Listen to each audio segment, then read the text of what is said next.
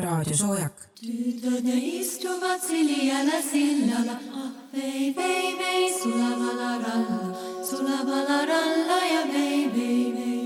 pojad need küsivad, sambast tule illale, ah vei, vei, vei, sulavale ralla, sulavale ralla ja vei, vei, vei. Äle tule illale, siis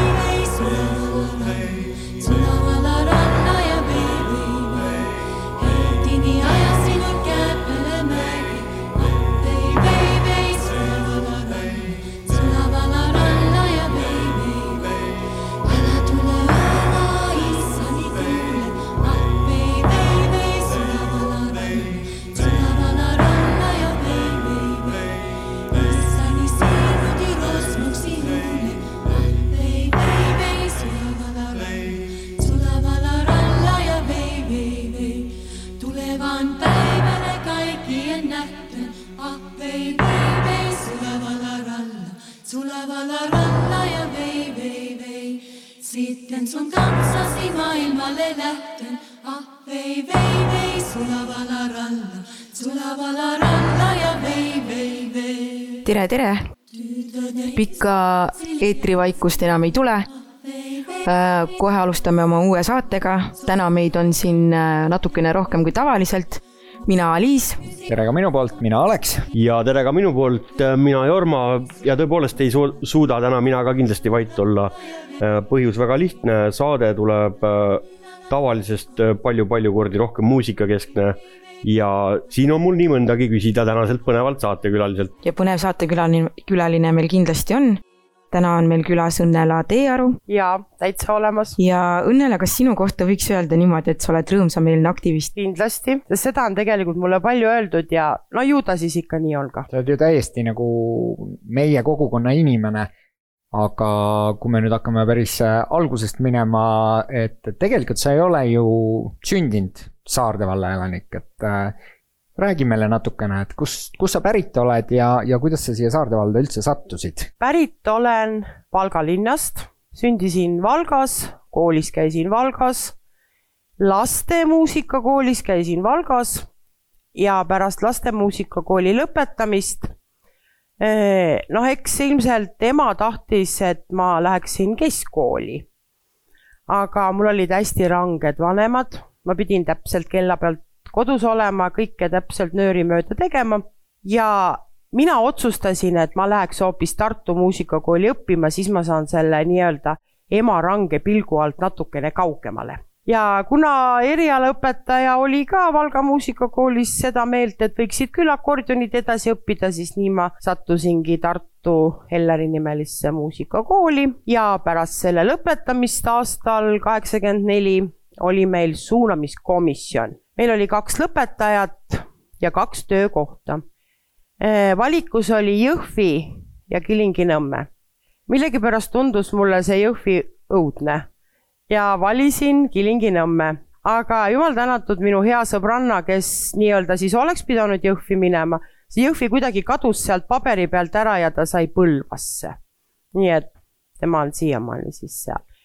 nii ja siis pärast suunamist kaheksakümmend neli ma siia Kilingi-Nõmme sattusin ja samal aastal tulin koos klaveriõpetaja Elinaga samal aastal tulid ka Tallinna Georg Otsa muusikakoolist õed Evelin ja Anneli. ja samal aastal oli ka Kilingi-Nõmme muusikakooli ametlik avamine. no meil on igatahes väga hea meel, et, et äh, sa valisid Jõhvi asemel Kilingi-Nõmme et nii nagu Alex ennem ütles, et sa oled ju tõesti meie kogukonna inimene ähm,. Aga akordionit sa mainisid ka juba. Õnnela, räägi palun, kuidas akordion sinu ellu jõudis, sellega on ka ju oma lugu. esiteks on see selline lugu, et isa mängis natukene pilli. eks ma siis proovisin mingi väiksema pilliga seal midagi kääksutada, aga ma ei mäleta sellest ise midagi mm,. aga mul ema on ikka hästi-hästi pikki aastaid rääkis seda, et kui mina olin olnud seitsmeaastane, oli Valga kultuurimajas kontsert, kus siis esines äh, tuntud Eesti akordionist Venda Tamman ja mina olin põhimõtteliselt kogu seda kontserti vaadanud suu lahti ja seal siis pärast äh, viimast lugu olin teatanud, et vot seda tahan mina ka nüüd õppida mängima. ja siis olin hakanud kodus nagu niimoodi rääkima seda kogu aeg, et ma tahan õppida muusikat ja ma tahan muusikakooli minna ja nii ma sinna sattusin. Nii et ikkagi see Venda Tammani kontsert jättis sellise, sellise tugeva mulje, et ma ilmselt selle pilli peale läks. aga kas see kontsert, nüüd sa selle viimase looga ütlesid, et sa seda tahad mängida, ma eeldan, et see viimane lugu oli siis see müügilugu. kuna see oli esimene kord, kui sa seda lugu ise mängisid? Äh, kuna see on see Säkkijärve polka, on, ega ma muidugi seda ise ka ei mäleta, et tema viimane lugu oli, ega ema jälle ütles, et see oli see Soome polka. Sellega läks ikkagi aega noh, praegu võttes see on ikka niisugune viienda-kuuenda klassi lugu. et ta on suht tehniline, suht kiire, et ja ma vist äh, päris niimoodi õpperepertuaaris ei olegi seda lugu ise mänginud.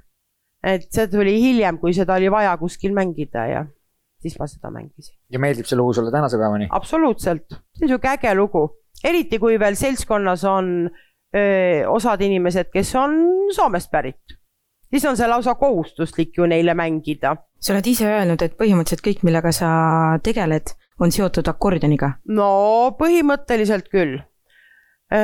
praegusel ajal. esimene asi on õpetamine, see on põhitöö. siis on, juhendan eakate lauluansamblit Patlane. Seda ma saadan ka akordioniga, kui meil esinemised on siis on äh, meeskoorist on kahjuks järgi jäänud ainult meesansambel igasugustel erinevatel põhjustel. Ja samamoodi meesansambli esinemistel saadan ka seda laulu akordioniga. erinevaid rahvatantsurühmi, mis ma elus saatnud olen, neid on palju. ja kui ma kaheksakümmend neli Kilingi-Nõmme tulin, siis mind võeti kohe nii akordioni kui ka klaverisaatjaks äh, praegu, praegu tegutsevale rühmale Kilingi. ja eks ma olen seda kõik need aastad püüdnud neile muusikat tantsuks mängida. et seal mängin akordionid, on olnud erinevad Pärnu rahvatantsurühmad, Surju sõbratarid, eakate rühmad, isegi koolirühmasid, kooliõpilaste rahvatantsurühmad. siis on noh, mis käib ka põhitöö juurde, on akordioniorkestrid, kool, koolisisesed orkestrid isegi poiste ansambel, mis mul praegu järgi jäänud on ka poistekoorist, nende esinemistel ka on akordionisaade. jah, ka mina omal ajal, kui ma rahvatantsu veel keerutasin, siis ka mäletan, et Õnnela käis meid saatmas. no vot, näed. ahah, okei okay., siis järelikult sinul on vedanud, minul nii hästi läinud ei ole, küll aga olen näinud äh, Õnnelat äh, mängimas akordionit ja, ja ma pean ausalt tunnistama, kui ma nägin esimest korda Õnnelat ja tema punti, siis mm, muutus mu arvamus akordionist oluliselt tegelikult. aga te juba ruttasite siin natuke asjadest ette, mis on väga hea. kuulaks äh, Õnnela poolt kaasa toodud lugu nüüd. Te tegelikult rääkisite sellest, aga, aga ma ei tea, kas Õnnela tahad äkki midagi lisada, mis lugu see on? see on Soome üks väga tuntud lugu Säkkijärve polka. olgu, kuulame loo ära ja siis on meil kohustus anda hindeid sellele loole, aga räägime sellest siis juba. no nii,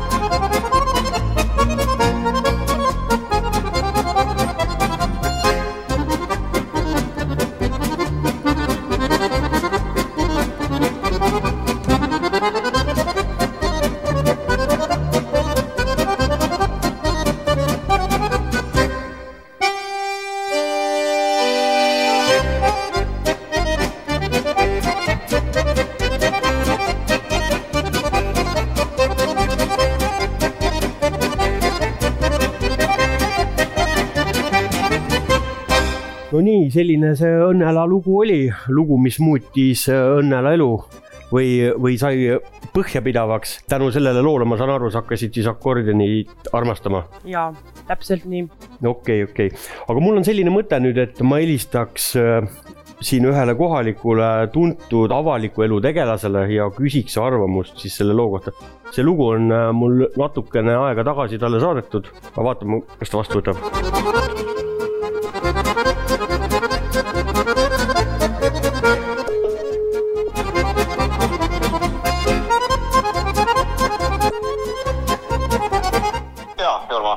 No tervist, tervist, Toni. kuule tere. äh,, vaata, ma saatsin sulle ühe loo, sa oled otse-eetris ka muidu, nii et äh, jaa, mulle meeldib. ühesõnaga ma saatsin sulle selle loo Õnnela lugu ja mis sa arvad, mis mõtted tulid sulle? no esimene mõte, mis mul kohe pähe tuli, oli, et ma olen seda kuskil kuulnud ja siis ma natuke meenutasin ja siis äh, avastasin, see on ju Võsapetsi mingi niisugune vahelugu ju. okei okay., et, et, et ja mis, kui ma seda kuulsin, no väga-väga hea, kiired näpud, kiired näpud. okei okay. ja ühest kümneni, palju sa punkte paned? ma panen üheksa.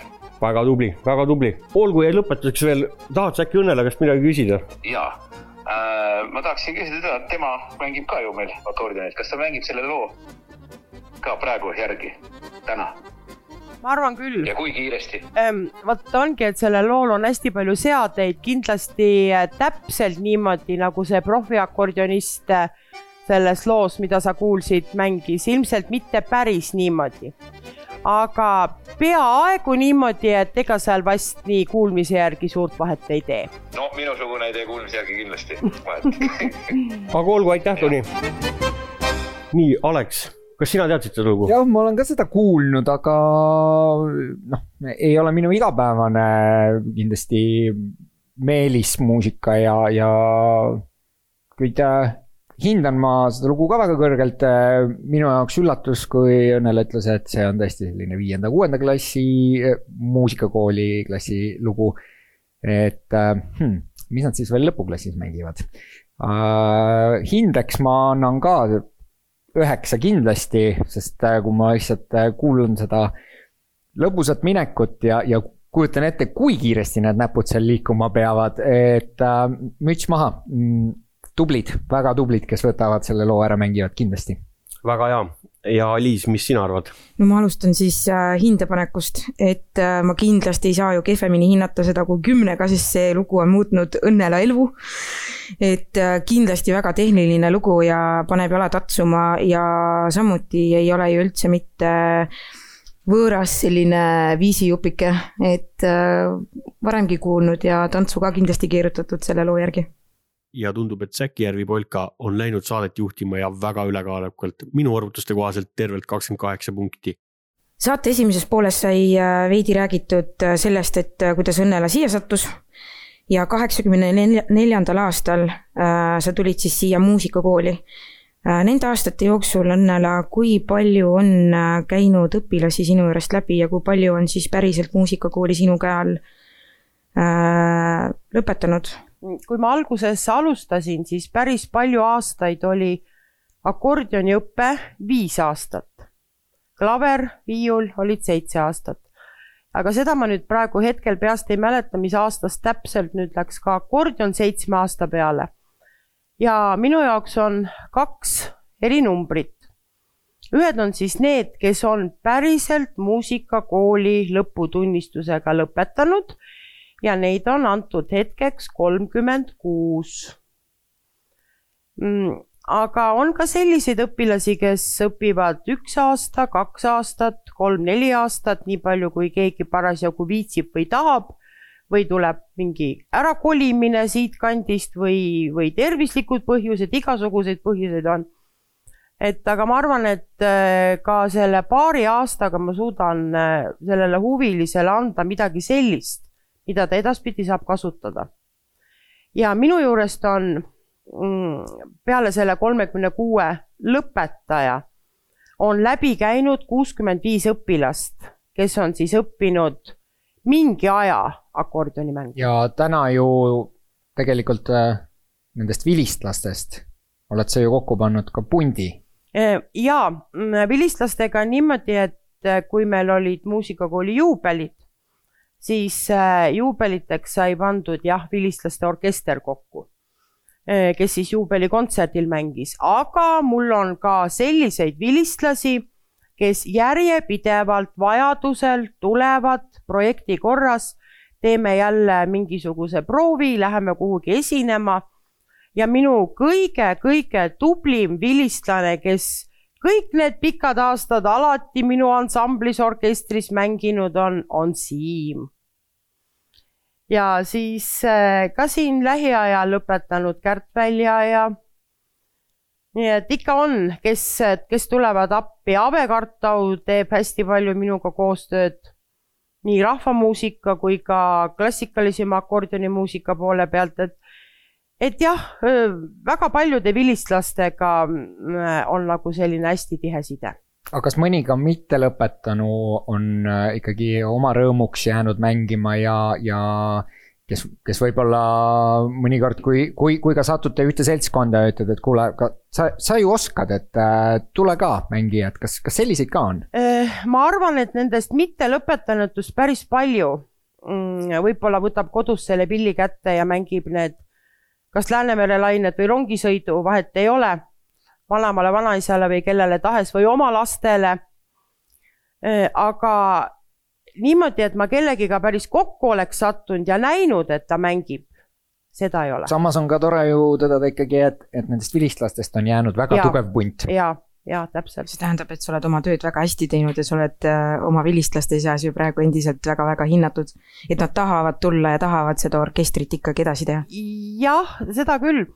Äh, noh, kui sa ütled, et hästi teinud, äh, ma ei oska sellele vastata, kas just nüüd väga hästi teinud, aga, aga eks nendel õpilastel minuga ei ole kerge olnud sest et nii nagu minul, kui me muusikakool veel vanas majas oli ja mul oma lapsed väiksed olid, pärast kooli tulid muusikakooli, no ei saanud ju maale kohe koju mindud. ja nad alati ütlesid mulle, et nii nagu tuled muusikakooli uksest sisse, kuuled, kuidas su ema räägib jälle kõva häälega. et eks ma olen nendega parasjagu ka nii-öelda natukene kuri ka vahepeal olnud, aga ma arvan, et see on kõik õigustatud. noh, ega lastel ongi natukene vaja sellist suunamist, et võib-olla kaob nagu see järg ära, et ah, ei viitsi, ei taha, aga kui saada sellest uuesti üle, siis tegelikult on nad ju hingepõhjani tänulikud. ja, ja sellest ei viitsi, ei taha ülesaamisest äh, mul on ääretult hea meel, et ma olen ikka ütelnud, et äh, mitte mul pole õpilastega vedanud, vaid mul on vanematega vedanud et koostöös vanematega, kui saab sellest punktist üle, kui tuleb see mitteviitsimine ja mittetahtmine eh,, lapsed hakkavad uuesti ikkagi mängima, käivad edasi muusikakoolis ja kui nad lõpetavad, siis neil on hullult hea meel, et oh just läbi sai. nüüd ma ei pea enam. ja siis läheb mõni-mõni aastakene mööda, siis kuskil kohtud, siis tullakse niimoodi poolvargsi ja natuke häbelikult ütlema, et kuule, tead, päris hea ikka, et sa ei lasknud mul tookord ära minna.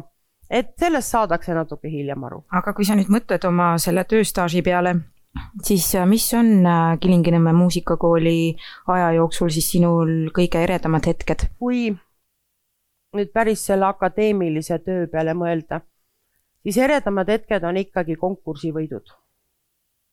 ühtepidi mm,. on olnud läbi aegade väga tublisid õpilasi, kellega ma olen käinud nii regiooni konkurssidel kui saanud edasi vabariiklikule konkursile. ja ei ole küll tulnud minule selle aja jooksul mitte ühtegi esikohta vabariigist. aga see ei olegi tähtis. tähtis on see, et ma suudan selle õpilase valmistada konkursiks ja ta suudab seal konkursil edukalt esineda on üks asi, on see konkursi pool ja teine asi kindlasti on äh, orkester. ja see orkester on olnud küll väiksemas mahus, küll suuremas mahus, kõik see aeg. ja mingi, sinna on küll tagasi, ma arvan. see ei ole nüüd vilistlaste orkester? ei, ei, ei, ei, see on nüüd nagu muusikakooli õpilaste orkester aga tegelikult õpilaste orkestris on ka vilistlasi vahepeal juurde mänginud, nii et see on nagu ikkagi koos olnud. ja esimese suurema orkestriga mm, seesama orkester, kus Aliis, sinu vend Roland oli. ja selle orkestriga meil on isegi tehtud plaat. nii et ja sealt edasi kogu aeg on noh, muidugi lapsed lõpetavad kooli, lähevad kuskile kaugemale ära.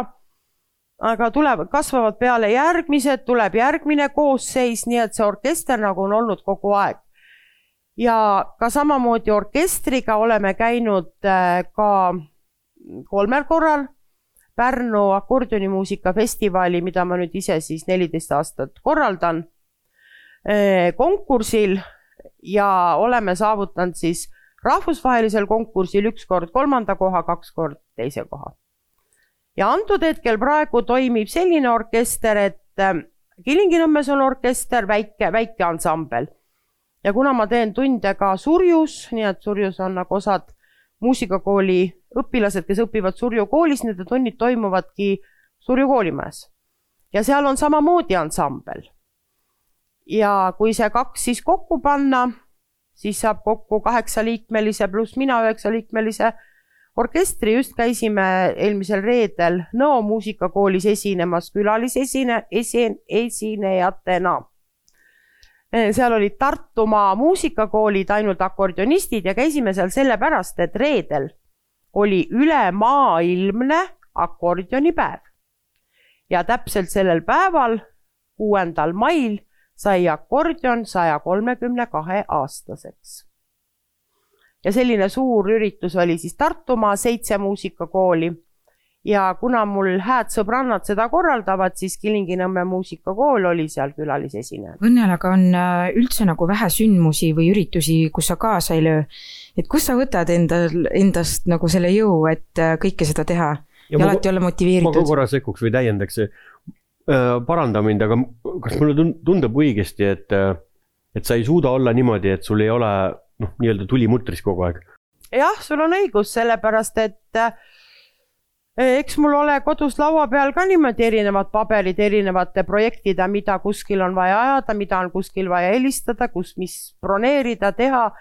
et tegelikult see organiseerimine ja, ja see mulle, ta lihtsalt mulle meeldib aga sinule ütleks vastu seda, et äh, ei ole üritusi palju või, või kus ma osa ei võta. Ma ei võta kindlasti osa spordiüritustest, sest joosta ma ei jõua aga kõik muud, mis on laulu, tantsu ja millegiga, noh, ikka mulle meeldib. ja ma arvan, et kui ma peaks seda tegema sunni korras, et nüüd sa pead sinna minema, nüüd sa pead seda tegema, ei, ei pea, ei lähe. tahtma peab jah, ja ei, tahtmine on üks asi, vahepeal ma ei taha. Vahepeal ma mõtlen kodus, et mispärast ma jälle pean sinna minema, eks. aga kui ma kohale jõuan, see on juba see mõte, see, see rumal mõte mul peast läinud. et pigem on see, et ma tegutsen täpselt äh, nii kaua, kui see on minu jaoks hästi meeldiv. ma teeks ettepaneku, et kuulata nüüd muusikat ja, ja asi läheb põnevaks selles mõttes, et äh, Õnnela saab ka nüüd hindeid anda. kümnevallisüsteemis käib see meil siis ja nüüd on siis välismaine lugu ja tegemist on filmimuusikaga, aga rohkem juttu võib-olla peale lugu.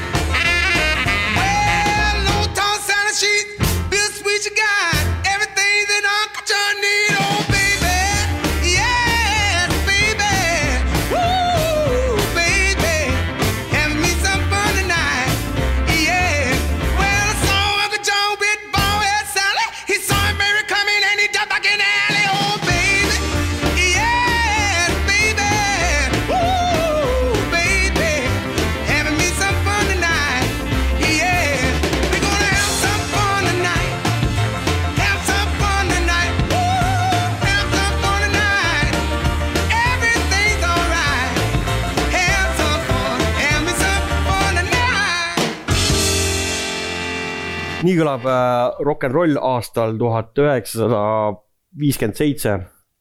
Äh, tegemist oli Little Richardiga, loo nimeks on Long Tall Sally. Äh, ja välja antud on see siis Speciality Recordsilt, nii palju infot teile. Aliis, teadsid seda lugu või tead seda lugu? kusjuures ei teadnud ja, ja sa ütlesid filmimuusika ja üldse ei koitnud, et missugusest filmist see võiks pärineda. järelikult sa ei ole näinud sellist filmi nagu Punane skorpion? no võib et-. Dolph Lundgreniga. ma ei oskagi sulle praegu nüüd vastata sellele, kui ma ütleksin, et ei ole, siis võib-olla ma valetan ja kui ma ütleksin, et olen, siis ma võib-olla valetaks ka. aga esimese hooga nagu pähe ei tule, aga äh, hea tatsamisega lugu ju. Rock n roll, miks mitte, väga äge, aga Õnnela loo vastu praegu minu mõistes ei saa niimoodi, et ma paneksin siis kaheksa. väga tubli, Õnnela, mis sina arvad? kui sa enne rääkisid, äh, et filmimuusika, tunnistan ausalt, ei ole üldse filmide vaataja. ja kui minu käest nende väljamaiste näite, filminäitlejate kohta küsitakse, siis ma jään alati niimoodi nihverdan vastuse ära, sest ma tegelikult ei tea seda maailma absoluutselt. minul on sama lugu kusjuures, aga ma täitsa vabalt tunnistan ka, et ma ei tea mitte midagi nendest asjadest. filmid on, noh, ju ma siis pühendun millegile muule, et filmivaataja ma ei ole. aga muusika kohta see, et kuna sa ütlesid, et hinnata ja punktid ja no siis ma hakkasin kuulama, mõtlesin, et no kuskil niisugune kuue kanti võiks nagu olla. aga kui tuli see super ilus saksofoni soolo siis see pani ennast niimoodi kuulama, et ma tõstan kuue pealt üheksa peale. väga tore, Alex, sina? ja mina pean ka tunnistama, et äh, ma ei suutnud välja mõelda, et mis filmis see võib olla, et siin erinevaid mõtteid oli peas, aga, aga ühtegi kindlat kindlasti mitte. noh, mõeldes, et mis on minu väljalaste, laskeaasta ja mis on selle loo väljalaskeaasta, et siis äh, see oli juba klassikaks saanud äh, sellel ajal, kui mina alles sündisin, et võib-olla ta ei peagi mind nii väga kõnetama. kui aga olla kuskil üritusel, kus läheb juba rock n rolliks ära ja meeleolu on juba selliseks läinud, siis kindlasti see lugu vägagi kõnetab ja, ja saaks tantsu keerutada ju ägedalt, sest tõesti rütmikas ta on, nagu rock n roll ongi ja, ja äh, mina julgen öelda, et kaheksa äh, kindlasti. selge, väga, väga tubli, väga tubli aga Õnnela, ma tahaksin veel sinu käest küsida sellist asja, et kui palju sul on aega äh, üldse muusikat kuulata ja oled sa üldse kursis muusika, noh, kindlasti mingil määral oled jah, aga, aga kuulad sa muusikat? Äh, ma ütleks selle kohta, et ma kuulen, aga ma teadlikult kuulan seda, mis mul on oma tegemistes ja töödes vajalik. aga minu käest on küsitud seda, et äh, kui sa lähed õhtuti koju et mis muusikat sa siis kuulad. siis ma ta-, sageli selle peale olen hästi tasa, ei vasta midagi ja kui küsija ikkagi mulle otsa vaatab, oodates vastust, ütlen, et äh, ma soovin õhtuti vaikust. ja autoraadioga on tegelikult ka selline asi, et kui ma sõidan, siis mulle ei mängi see raadio. hästi palju on vaja otsida igasuguseid, noh, see käib, ütleme akordioni repertuaari ja, ja klassikalisema muusika ja on vaja otsida arvutis neid lugusid, otsida, kuulata ja nii-öelda läbi töötada, vot see on see, mida ma kuulan.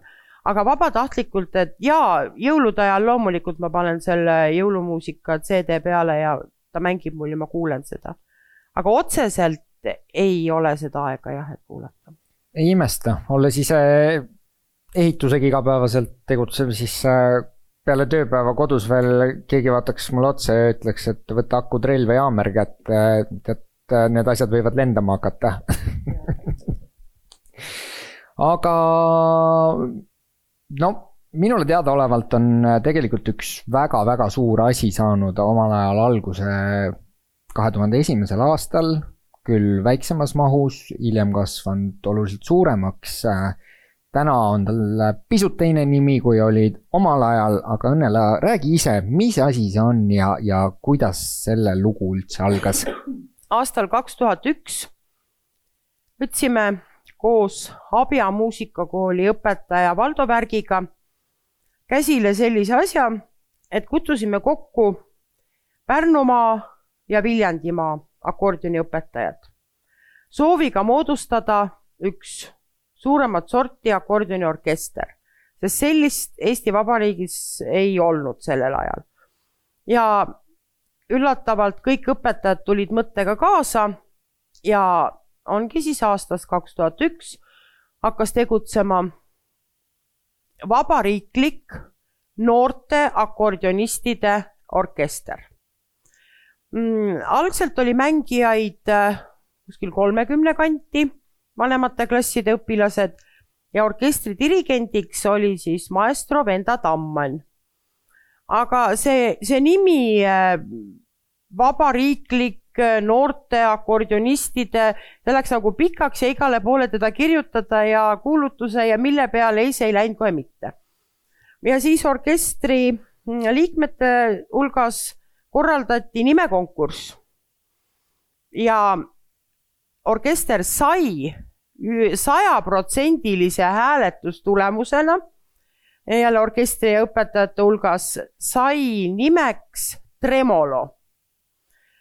selle nime pakkus välja üks äh, Türi muusikakooli tolleaegne õpilane, hetkel on tema praegu Türi muusikakooli õpetaja ja miks just tremolo mm,? akordioni mängus on üks selline mänguvõte, kus sa mitte ei tõmba pikalt lõõtsa lahti, ei lükka pikalt kinni, vaid nagu nii-öelda poole sentimeetri kaupa niimoodi väristad või raputad seda lõõtsa.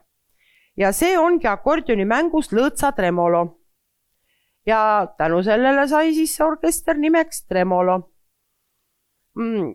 meil oli hästi palju kontserte ei ole vist Eestimaal eriti kirikut, kus me kirikukavaga ei mänginud. Teine kava oli siis nii-öelda rõõmsamapoolsem kava. iga kuu oli üks esinemine Tervise Kultuurikeskuses. ja eks see hästi intensiivne mm, esinemine ja ka laagrid. ja mis meenub sellest ajast, äh, kui meil oli laager reede, laupäev, pühapäev laagrid olid tavaliselt Abja muusikakoolis, siis õpetajad nimetasid seda laagrit kolmepäevaseks laagriks. aga õpilased nimetasid seda laagrit, laagrit kahe ööga laagriks.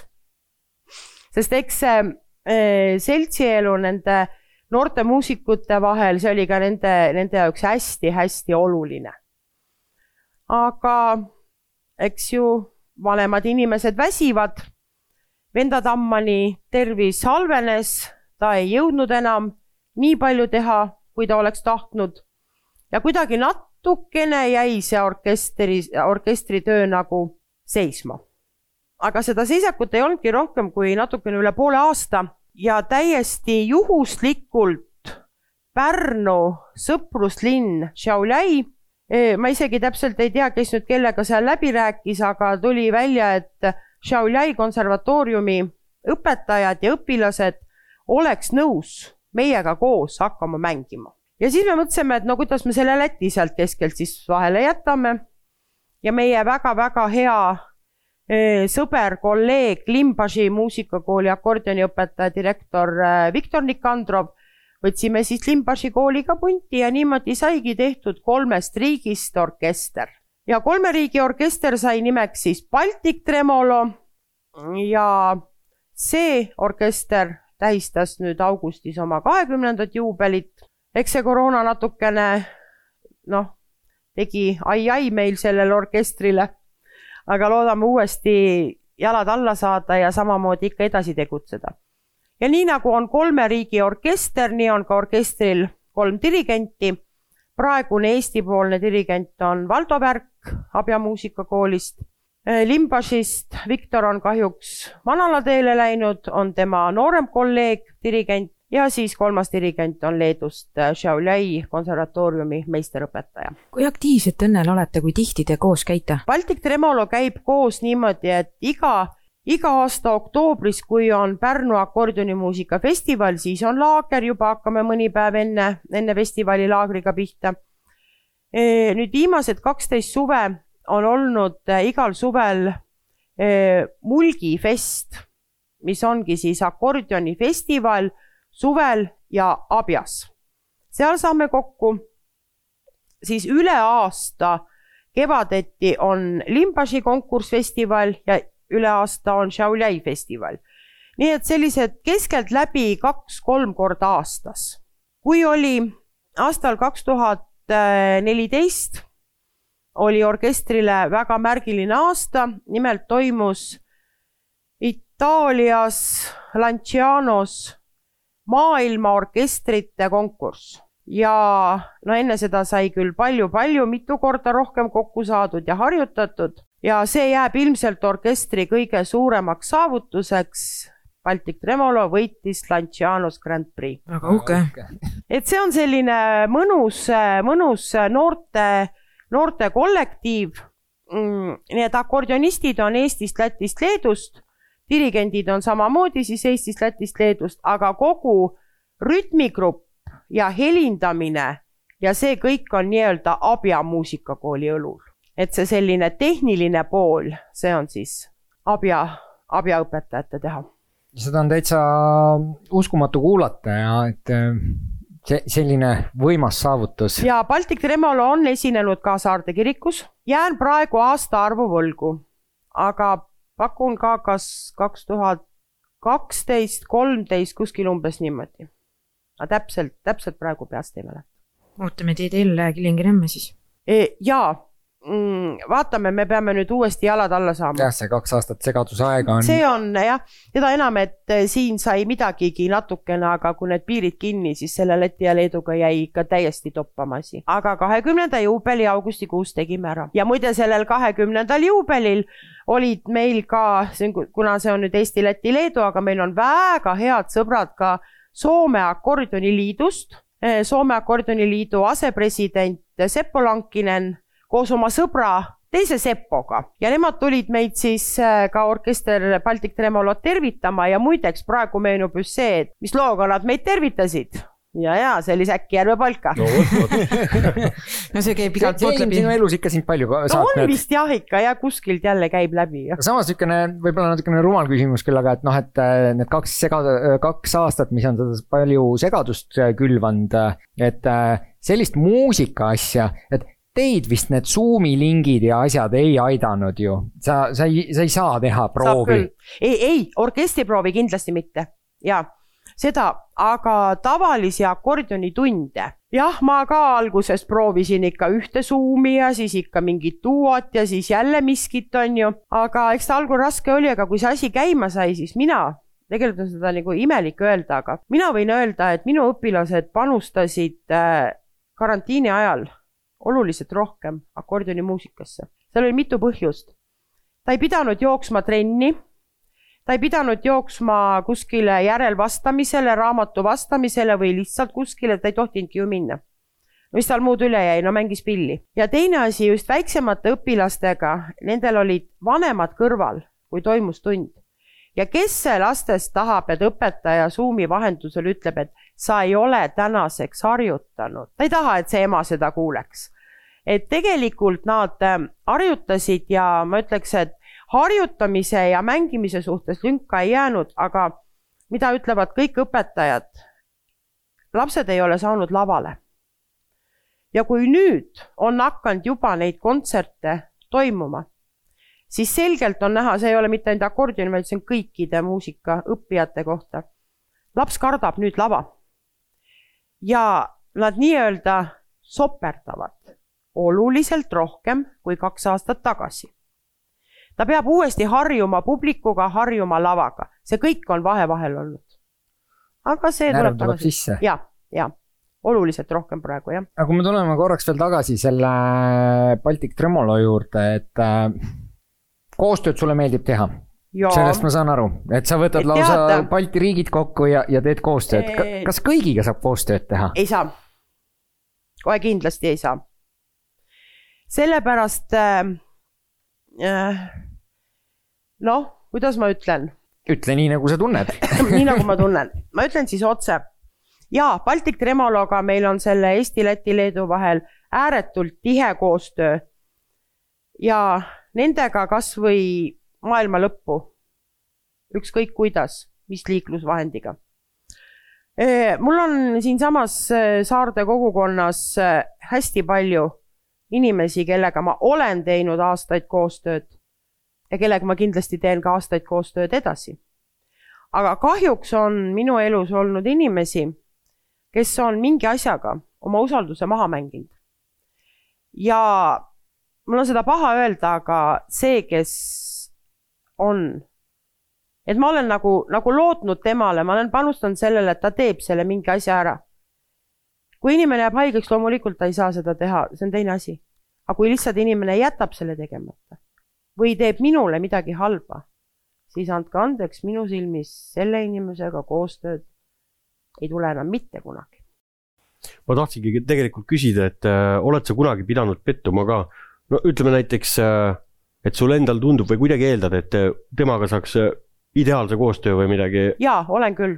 see näitab seda, et koostööd saab teha inimestega, kes jagavad sinuga äh, ühtesid ja samu väärtushinnanguid. E, jah, aga sa ei taba seda väärtushinnangut alguses ära, mõne puhul. ja ma olen nõus, siin on võimalik korralikult võssa panna nagu. absoluutselt ja mul on olnud ka juhus, kus inimene tuleb minu juurde tagasi ja ütleb, et anna andeks. ma, ma nüüd järgmine kord teen kõik nii, nagu peab. ja minu vastus, ma nii mäletan, ma ütlesin, et jah, ma annan sulle andeks. aga edasi ma teen üksi. aga kui ma nüüd küsin, et ütle välja, mis on sinu jaoks koostöö juures kõige olulisem, mis asi on see võtmesõna? usaldus ja koostööga on ka see asi.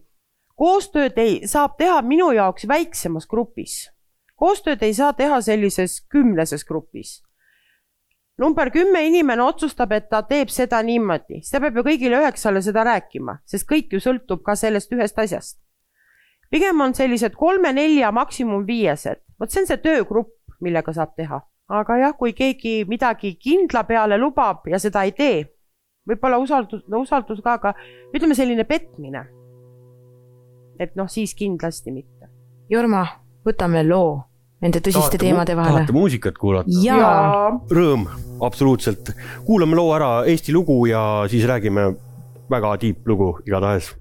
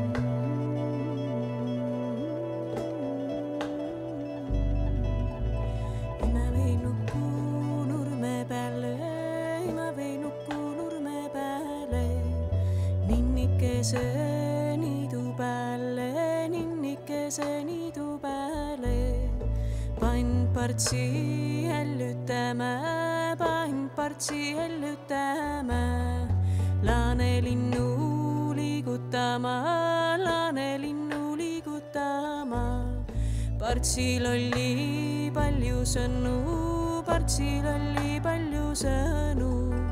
laanelinnul palju laule, laanelinnul palju laule.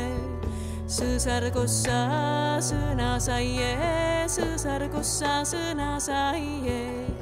lats kossa laulu lõudse, lats kossa laulu lõudse.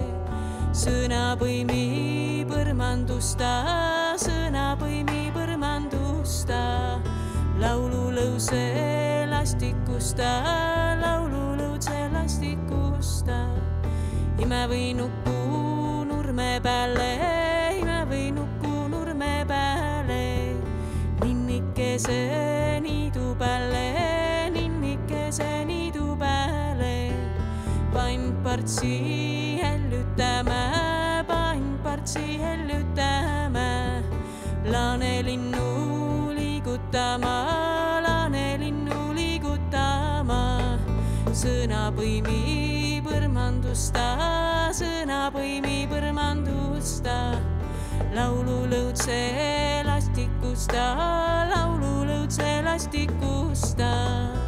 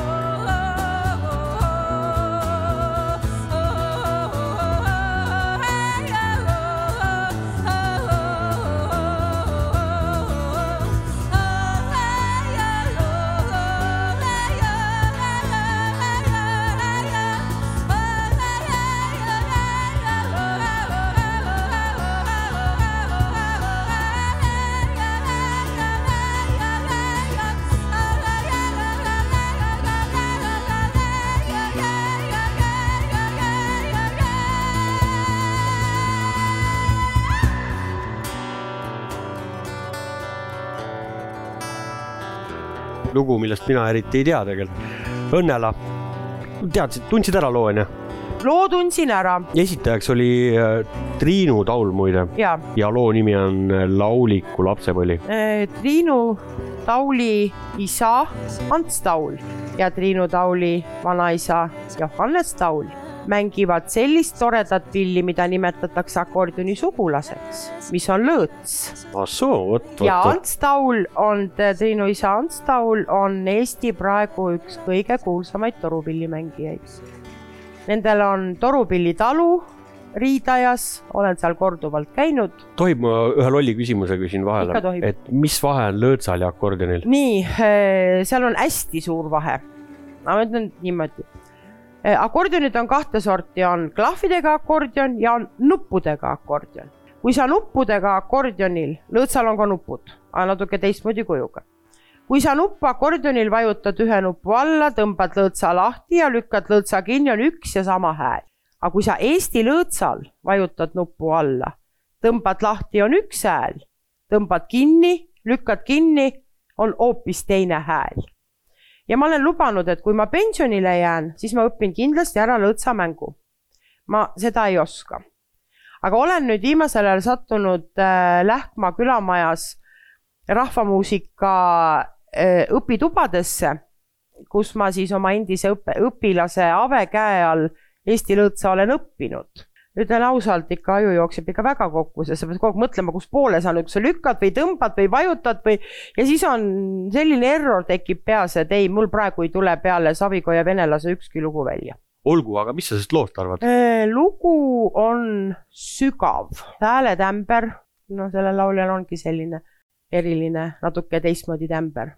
see lugu ilmselt nii-öelda jõuab kuulajani erinevalt, kas seda lihtsalt kuulata, nagu me siin praegu kõik koos kuulasime või kuulata teda üksilduses vaikuses, annab ta ilmselt hoopis teise efekti.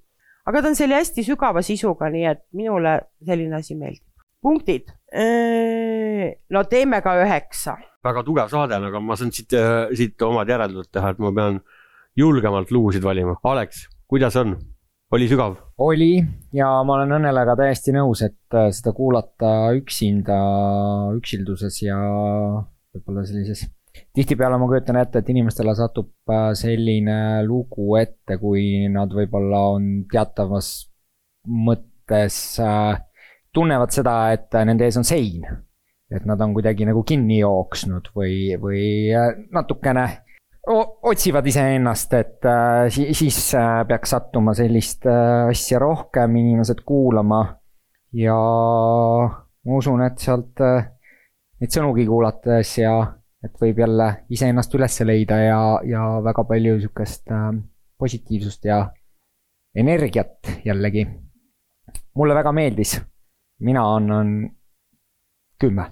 Aliis me tõesti ei ole kokku leppinud seda, et, et mida me nüüd sellest loost arvame, aga aga tõesti äh, jagan äh, kaasrääkijatega mõtet, et äh, et võib-olla tõesti, kui meeleolu ei ole kõige parem ja, ja kuidagi tahaks iseennast leida, siis mulle tundub see täpselt sellise loona, et lähen kuskile metsaraja peale jalutama ja panen klapid kõrva ja, ja, ja volüümi täiesti põhja.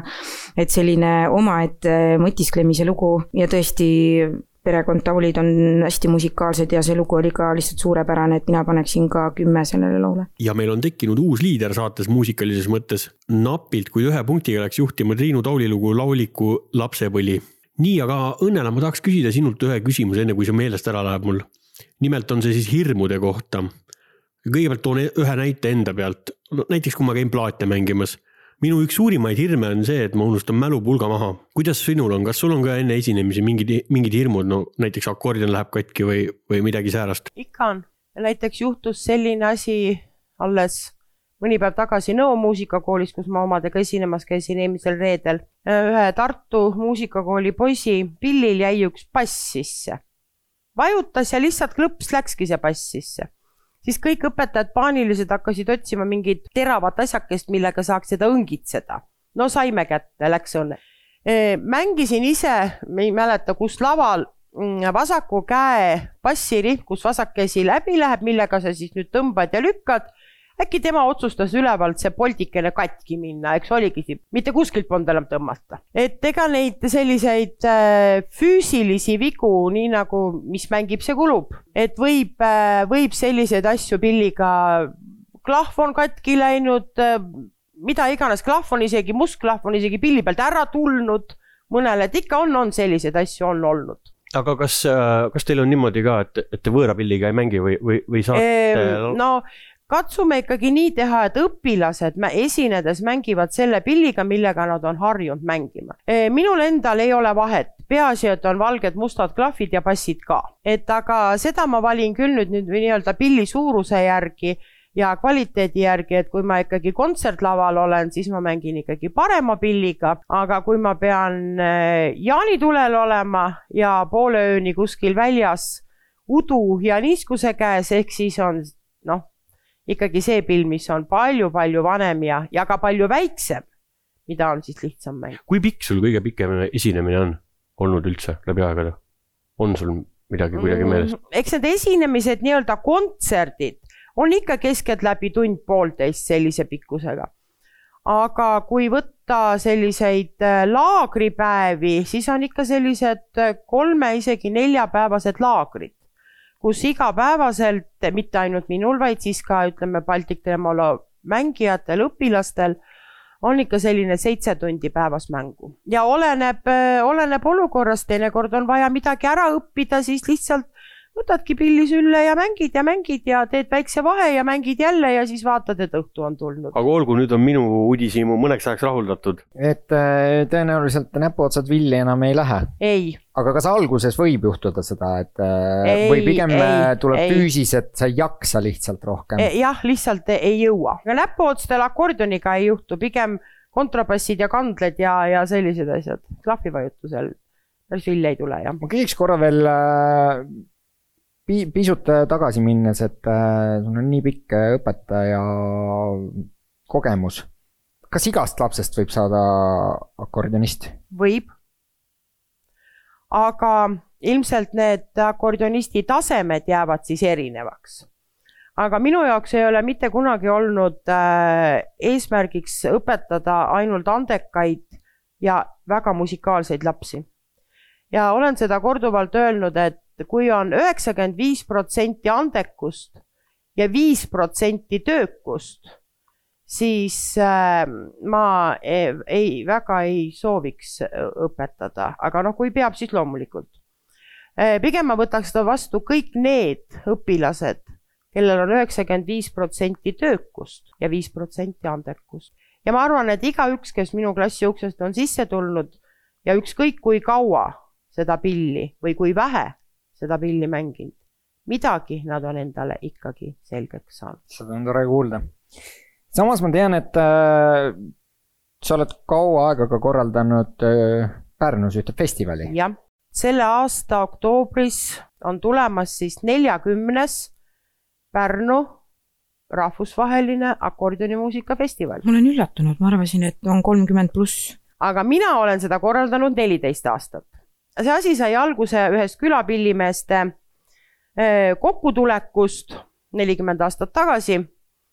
Ja kusjuures siin võin märkida, et selle esimese kokkutuleku, esimese festivali algataja ja kogu väga-väga kaua aega kogu selle ürituse hing olnud Henno Sepp sai äh, siin poolteist kuud tagasi sajaaastaseks ja endiselt mängib ka pilli edasi ja sellest külapillimeeste päevast hakkas siis äh, arenema niimoodi välja see akordionimuusikafestival ja me hakkasime teda neliteist aastat tagasi koos korraldama Abja muusikakoolist Valdo Värgiga. see koosneb siis konkursipäevast, kus on siis, ongi akadeemiline konkurss õpilastele, kus siis esinevad ja võtavad konkursist osa nii Eesti, Läti kui Leedu. meil on ka olnud äh, Soomest ja on ka Valgevenest olnud konkursil osavõtjaid.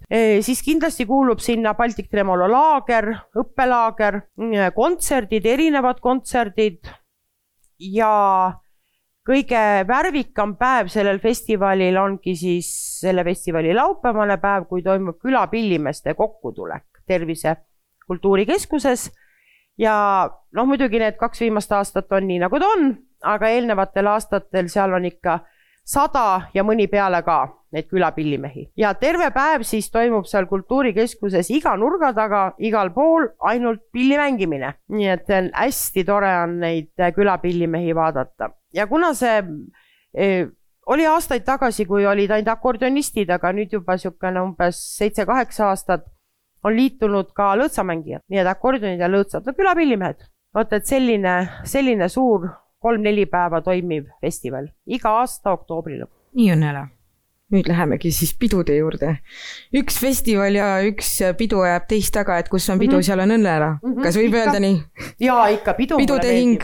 ja pidu mulle meeldib. aga Õnnela, kuidagipidi sa pead ju ennast motiveerima ka ja ometi sul peab ju jääma vaba aega, et tegeleda oma meelistegevustega, mis need on? mm,. äh, ma ütlen oma meelistegevuse, aga luba, et sa naerma ei hakka ma. püüan, ma ei luba midagi. see on rohimine. näe, näe, kohe hakkad naerma. miks see nii on? see on täpselt sellepärast, et eks ma ju olen peadpidi arvutis ja nootides ja igasuguseid, on ka nende Patlase ja Nõmmela lauljatele seadeid vaja teha ja partiisid kirjutada ja ühesõnaga kõik see, mis käib selle kollektiivide repertuaari tegemise ja seadmise juurde ja noh, akordioni õpetamine ja kõik see tegemine on ikkagi rohkem tubane töö ja üt-, ütlen ausalt, et sealt mai lõpuks on niimoodi otse öeldes kergelt kõrini. siis tahaks välja saada. ja vot siis on see, et hommiku linnulauluga, suure kohvitassiga põllule. rahulikult, mul ei ole kuskile kiiret. ja seal ma siis rahulikult toimetan. aga kõige paremad peokorralduse mõtted tulevad seal keset porgandipeenart. et juba pikemat aega ma, kui mul on tulemas mingisugune ka suvel selliseid üritusi või, või on mõni pulm vaja läbi viia või mõni juubel teha, siis ma tihtipeale võtan põllule kaasa paber ja pliiatsi et kui mul keset seda porgandivagu rohimist nüüd see mõte tekib, ma panen selle kirja. aga jah, see maal vaikuses linnulauluga rahulikult tegutseda, see on super. aga niimoodi ei saa, et kui sul on seda mõtet nüüd järsku vaja, et sa lähedki sinna poole peenra peale, et äh, ei vaata, ei vaata, vaata niimoodi vist ei tule. siis ma jäängi sinna poole peenra peale seda mõtet ootama. aga ma saan aru, et sulle tõesti aias meeldib toimetada, et äh, ma tean ka seda, et sa oled suhteliselt suur hoidiste tegija ja, ja et sul tulevad nad ka väga hästi välja. Mm, jah, ma teen suhteliselt palju hoidiseid. Varem oli nüüd nagu võrdselt, et magusat ja soolast hoidist, aga nüüd on millegipärast läinud rohkem soolaste peale, igasugused kurgid, tomatid, lechod ja mida iganes. ja ma olen lubanud, et ma teen seda täpselt nii kaua, kui minu isiklikud lapsed, kui nemad kodus käivad nädalavahetusel, siis nad ei lähe mitte kunagi enne minema, kui nad ütlevad nii moka otsast, et ma käin keldris ka ära kuna neile need meeldivad ja nad ikka massiliselt neid sealt minema tassivad, vot see on see stiimul, miks ma neid ka teen ja need ei ole mitte ainult need, kes seda soovivad, mitte oma lapsed, loomulikult me sööme ise ka seda, onju. aga mul on siin Nõmmes paar väga-väga hääd sõbrannat, kes ütlevad vahel, et kuule, kui tuled, võta see siirup ja kurgipurk ka kaasa. et noh, ju neid teistele ka siis meeldib ja, ja mulle meeldib teha ja ka kinkida neid. kindlasti on sul ka ju kasvuhoone. Et.... äh, on, hetkel ei ole, hetkel ei ole. hetkel minul kasvuhoonet ei ole, sellepärast et kui mul poeg lõpetas kaheteistkümnenda klassi, see oli juba ikka natuke aega tagasi, ehitas tema minule kasvuhoone, suure, kuus korda kuus kohe päris, aga aeg on oma töö teinud ja eks seda natuke kõpitsetud sealt ja vaatasin, et mees ütles küll kodus, et selle aasta peab veel vastu. ütlesin, et ei. nagu väike laps, ma tahan nüüd ja praegu. võtsin kodutöö ette, uurisin kasvuhoonete firmadelt igasuguseid nelikanttorusid ja neid igasuguseid muid asju, millega neid kasvuhooneid tehakse.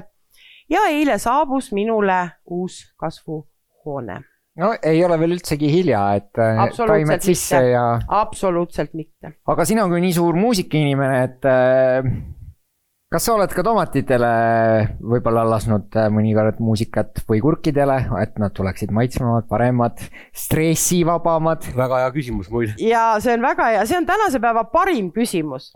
ütlen sulle ausalt, ma ei ole kasvuhoones pilli mänginud, ma olen küll mänginud igasugused võimalikes kohtades, autokastid ja muud iganes, vaat kasvuhoones ma mänginud ei ole. ma luban, et ma teen sellel suvel katse. aga siis jääb küsimus, kas see tomat ja kurk kasvas nüüd paremini uues kasvuhoones või tänu akordioni muusikale, aga seda me saame juba eh, punktid kokku arvutada, need plussid ja miinused sügisel. jääme siis hoidiseid ootama, aga üks lugu on meil veel tulemas, kuulame selle loo ära ja siis peaksime tegema vahekokkuvõtte. just, just. see lugu on tegelikult, see lugu läheb minu jaoks ja minu arvates läheb eriliseks äh, just live variandis, sellepärast ma olen ka valinud siia saatesse selle live variandi. Ja te saate muidugi vaadata ka telekast seda lugu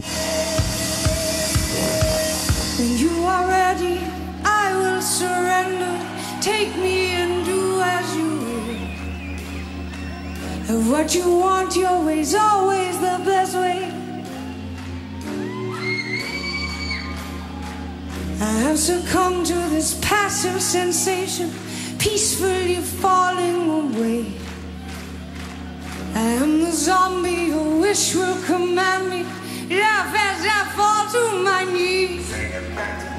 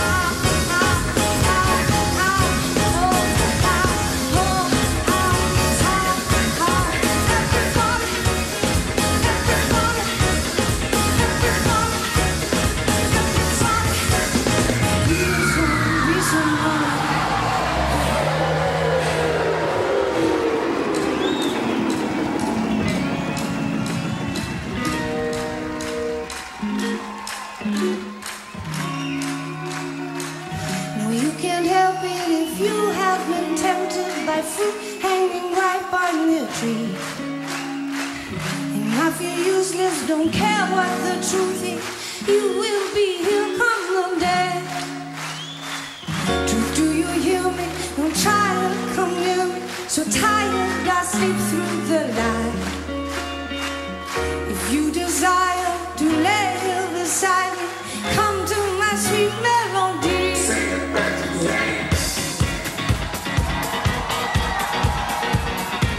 See oli siis Moloko Sing it back, bring it back.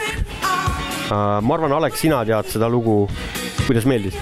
väga meeldis äh, ka sellise hästi mõnusa ja kihvti minekuga ja, ja tõesti jah, et äh, oleks küsinud mu käest esitajat, et selle ma oleks võlgu jäänud, aga lugu kui sellist ma tean. sellest on ka erinevaid variante ju täpselt, täpselt, ma tahtsingi seda öelda, et äh, on ka hästi palju seadeid sellele, sellele loole ja tehtud. noh, meie kuulajad küll ei, ei näinud hetkel seda videot ja äh, meie siin nägime. ma kujutan ette, et äh, seesama lugu töötab äh, rahulikult omaette kuulates hoopis teistmoodi, aga see, mida me nägime praegult ekraanil äh, suurel äh, live esinemisel, olles seal rahva hulgas, ma usun, et see energia, sünergia, mis seal tekib, et äh, see on jälle see, nagu me alustasime seda saadet, kuidas Õnnela äh, sai müüdud akordionile live esinemisel, et äh, kindlasti on nii mõnigi inimene peale seda väga andunud fänn, kui ta on sellisel kontserdil ära käinud. show oli võimas ja punktideks ma annan seitse. väga tubli, Õnnela. no minu jaoks oli, ütlen ausalt, täiesti võõras. üritasin mingeid pidepunkte leida, aga, aga no mis ei tule, see ei tule. aga lugu ise, vahva, tore, meeldis. ja kui kujutada nüüd ennast sinna kontserdipubliku hulka, siis ilmselt ikka jah, oleks asi olnud hoopis teine aga kuna see video ja kõik ja jäi praegu natukene minust nagu läks mööda, siis ma ütlen kuus. Aliis, mis sina ütled? mina ütlen, et väga hea minekuga lugu, et äh, kas minna jooksma panna, jällegi klapid pähe äh,, väga mõnus äh, kaasahaarav lugu, kindlasti kui ma kuulaksin seda autoraadiost, siis ma sagedust ei vahetaks. et nagu siin oli, et, et tõmbas käima küll, et minule lugu meeldis ja mina annan kaheksa. ja ma kuulutan välja nüüd võitja, tänase saate muusikalise osa võitja on äh, Triinu Taul ja Lauliku lapsepõli. ma arvan, et võit tuli talle välja teenitult. kindlasti, tegelikult on niimoodi, et äh, tänane saade oli meil täiesti omanäoline. me ei ole varem äh, sellist äh, muusika hindamist teinud. see oli minu meelest väga põnev, hästi tore oli see, et meil oli ka siis üllatuskülaline, kes andis punkte lugudele. ja just äh, Õnnelast johtuvalt see saade saigi selline, sellepärast et minul on, oli väga suur huvi enne saadet teada saada, mida Õnnela näiteks arvab äh, Little Richardi loost. minule ka väga meeldis äh,, algne plaan oli, kuna Õnnelal on nii palju tegemist kogu aeg, siis meie algne plaan oli koguneda siin hommikul pool kümme ähm,. mis pani, et hea küll, mina teen oma päevaplaani ümber, ma tean, et ka Jorma oleks pidanud siin tegema ja, ja kui Õnnele ütles, et tegelikult, kas te teate, et avanes ikkagi õhtul kell viis võimalus, see oli meie jaoks äh, juhuu, et äh, äge oli, tõesti oli äge täna siin olla ja Õnnele ka saada palju tuttavamaks. ma arvan, et äh, tuttavad me oleme ammu, aga sa lihtsalt said minu ja minust midagi natuke rohkem teada ja sa andsid mulle ka ülihea mõtte, see on see tomati akordion. ja siinkohal ongi siis äh, mõistlik saate otsad kokku tõmmata. meil oli põnev külaline Õnnela, mina Liis. Mina Jorma. Ja mina Alex. Ja me kohtume siis, kui me kohtume. Ja kuuleme siis, kui kuuleme